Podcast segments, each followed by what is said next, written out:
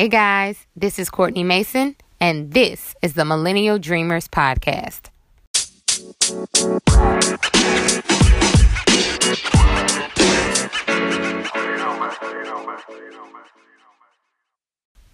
Hello. Did you miss me? Because I miss you. Last week, I did not release an episode of the podcast because it was just crazy insanity with work. And then here in New Orleans, where I reside, we have this festival season where we have festivals throughout the year, but specifically in April and May, we have different things that we can attend. And one of the festivals that I participated in last week was Jazz Fest. And the incomparable Anita Baker performed at Jazz Fest. And if you know anything about me, which you will learn more about me as this podcast progresses, Anita Baker is one of my all-time favorite performers and singers. And so I it was I had to see her. It was like a non-negotiable. So I made time to see her and then I had to drive home to my hometown of Monroe, Louisiana, like at five o'clock in the morning the next day to speak at a uh, graduation ceremony. It was more of like a church ceremony, but I was the guest speaker, so I had to just kind of get my Red Bull out um, after I was done partying with Anita Baker and just hit the road and get things done. So it was it was crazy last week. So I didn't get to release a podcast, but here we are back on track, and it is May 13th, 2018, and it is Mother's Day.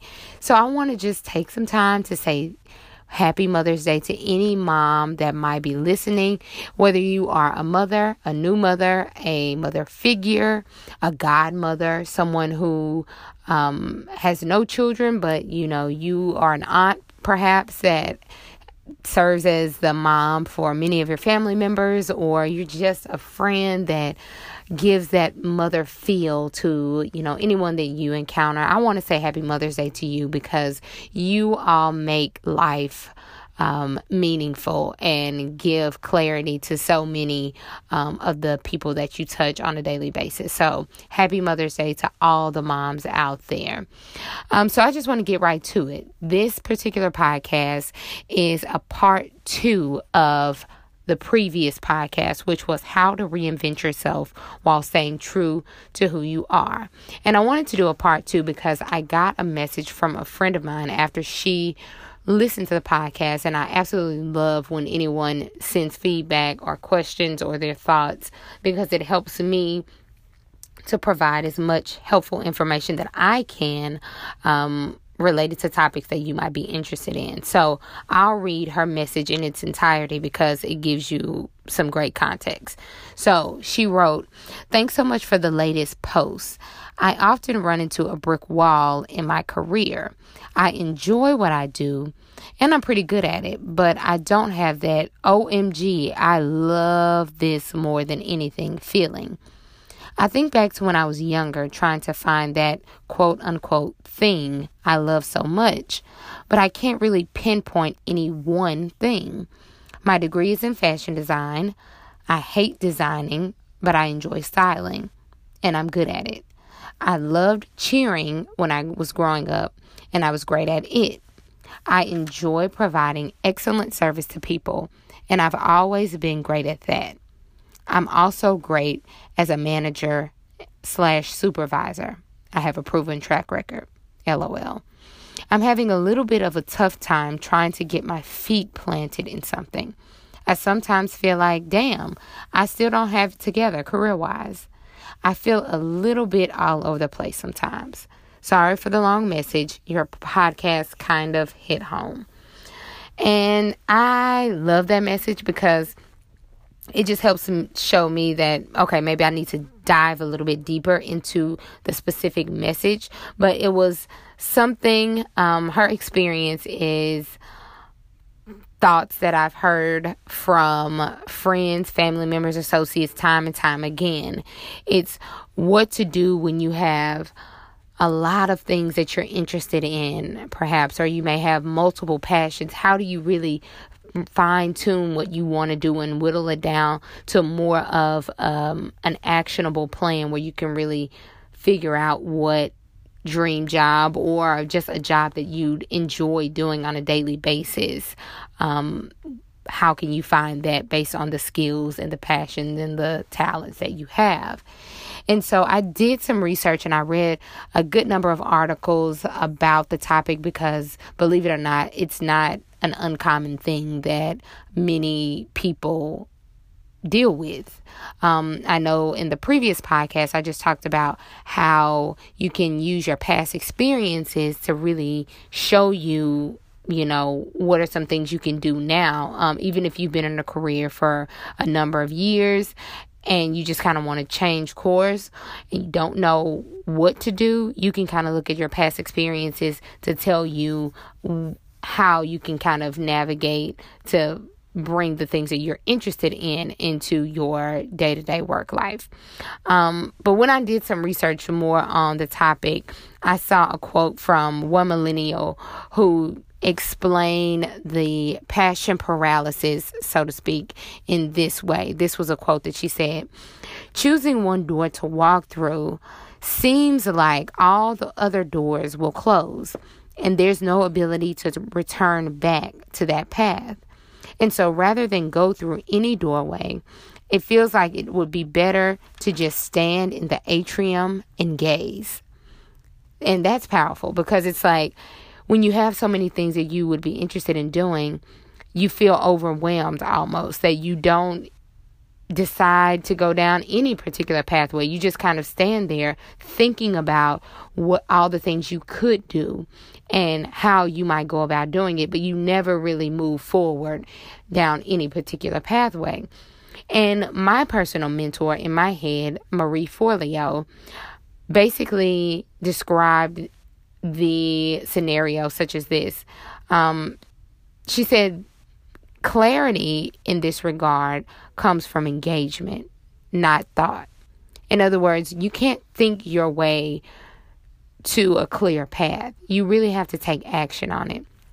And so I thought of, you know, that's a, a major thing because so many people feel like, man, I just want to think it through and see what I what avenue is best to take and really you need to take some action steps. So the first part i want to talk about like i said is those of us who have too many passions. How can you clarify?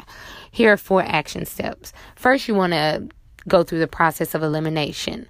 The first thing you want to do is write out the things that you know you don't want to do because knowing what you don't want to do can help you clarify or get clear on the things that you would be interested in doing. So write out all the things that you're like, no, I don't want that to be a part of my job. If I had it my way, if it was an ideal situation, I would not do this. I would not do these things. I would not engage in these things. And then also, you want to write out a list of things that you're passionate about, and that if you don't do that specific thing in your 20s and 30s, you would regret it. So, once you make that list, you can say, I'm passionate about this, this, this, this, and this. And then you really want to check off whether or not that particular thing is something that you would regret not doing five years, 10 years, 20 years down the line, if you don't do that thing, will you look back on your life and say, I wish I would have done that? If it's something that you're only lukewarm about, you only kind of care about it, scratch that thing off, eliminate that. And so this helps you to whittle down all the things that you're only partially excited about.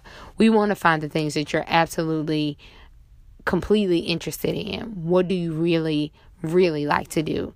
And um, you don't want to waste your time on the things that you're only, you know, lukewarm about. Secondly, you want to allow yourself to fail. Um, a lot of times we don't try things out but because we're too afraid to fail at it.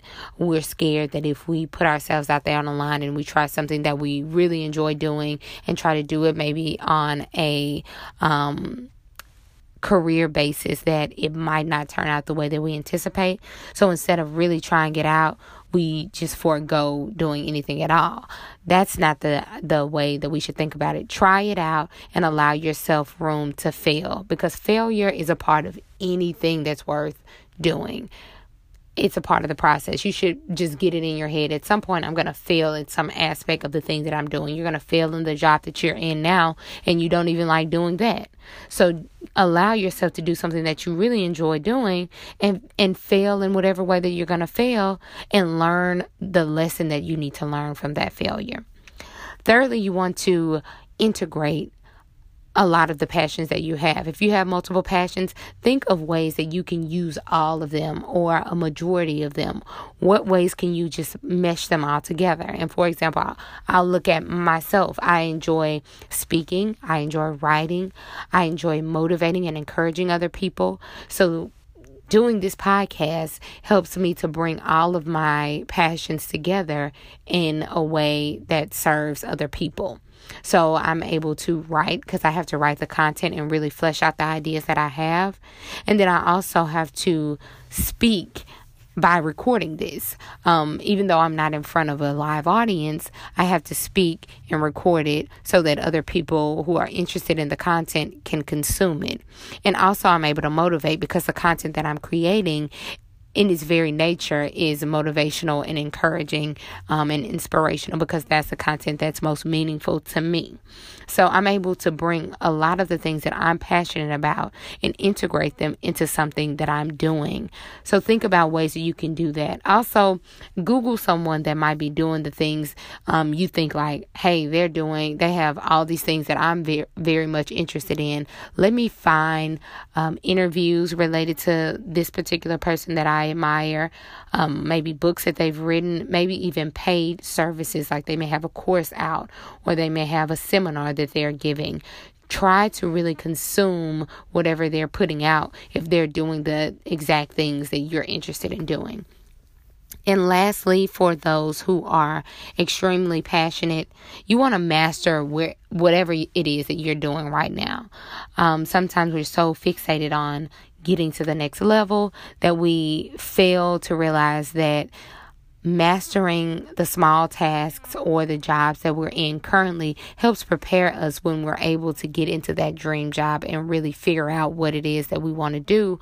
If you have made excellence a, a, a, cornerstone of your everyday life and your work life in whatever you're doing, whether you're the assistant to the person that has the job that you want, whether you are just kind of dreaming about it and you're in another job that you feel is unrelated, it doesn't matter. You want to show up every day doing the very best that you can possibly do. Once you master everything that you attempt and everything that you're a part of, you're setting yourself up to be excellent in that dream job that you have for yourself. So, those are the four steps that I would um, encourage anyone who has too many passions to really think about and meditate on so that you can get clear on what steps you can take to lead you in the right direction. And now moving on to those of us who want to find our dream job, but we're just like, I don't really know what I want to do. Actually, I don't have too many passions. I'm just really not clear on what I'm passionate about. I have some things that I like, maybe some things that I'm good at, but I don't know what I ultimately want to do. I have a few action items for you. You should first start with um, looking at and analyzing and listing out the things that you're strong at. What are some things that you have found to be stellar at in performing in your previous jobs? People told you, man, you're really great at X, Y, and Z. Or you just know because you're really efficient at that thing. List out all the things that you're really strong at doing because then those strengths can help you to figure out other jobs and other positions that uh, maximize those particular skill sets. You want to look at your strengths and list those things out. Secondly, you want to evaluate your past employment. What are things about your past jobs that you did not like and some things that you did enjoy doing? Really fine tuning those will help you to know where you don't want to go, other jobs that you don't you want to avoid, and also jobs that you might want to consider more. Um, thirdly, you want to talk to other people who are doing the things that you're doing, just like the category of, of individuals who are really overly passionate about multiple things. You want to look at people who are doing things that you're interested in doing and may have jobs that you're like, this piques my interest. I'm not sure if I'll be good at it, but I'm kind of interested in that. Find someone who's doing that thing and ask, you know, can I can I talk to you maybe one day, take you out for coffee and really um, discuss aspects of your job to get your input because I'm interested in doing this. This will help you know if you'd be if you'd be a waste of time to go down there because they might give you some insight that you're like, mm, yeah, no, I don't want to do that. Um, but find someone that you can possibly talk to. Read their interviews, look at their LinkedIn profiles, um, maybe reach out to them in any capacity, email them, and see if you can find ways to um, speak with them and um, as people say, pick their brain if they have time to allow you to do that. Um, fourth, you want to take some classes and try try new things. If it's something that you've never done before, there may be a workshop that's available that you can look into. Um, take a class, maybe an online class or a free class that you find, or maybe a paid class. Read some books, watch some tutorials on YouTube. Just consume as much information that you can that will give you a better idea of things that are new to you but that pique your interest a little bit. Also, think about the environments that you've worked in in the past and what would be the ideal work environment for you. You might have been in a position that was pretty toxic, and you're like, I know that I don't want to work in that environment anymore. Um, also, think about the environments that you were really thriving in. If you're a team player and you enjoyed um, atmospheres where you're able to work with a group, that might help you to really look into jobs that are really team oriented and focused, where you have to really work with other people. So, think about that as well. And lastly, do the thing that makes you happy. Consider some things that you might do for free some things that you might do um, on a volunteer basis. Those things, I think, when you are able to, if you say, I would do this thing regardless of if I were paid or not, imagine how hard you will work if you are in a position to make money doing that thing that makes you happy. There might be jobs out there that allow you to really do some things that you enjoy. It doesn't have to always be just what you're strong at but not interested in. It could be something that you really would want to put your effort into because it's something that you just enjoy enjoy naturally. So consider that as well. Um, those were the six tips that I have for those of us who want to find our dream job, but we're just kind of seeking clarity and not really sure what way to go that should help you once you just meditate on that and write those things out. So, I hope that helped for any category of person, the overly passionate and the um, those of us who need to just fine tune a little bit. Let me know your thoughts. I hope it helps. And if you would excuse me, I'm going to spend the rest of my afternoon playing on the water slide with my neighbors. Um, they decided to bring out a water slide for their kid's birthday party. And as the child at heart that I am, I'm going to partake in it a little bit. So I hope you enjoy your week and go out and be great. Talk to you soon. Peace.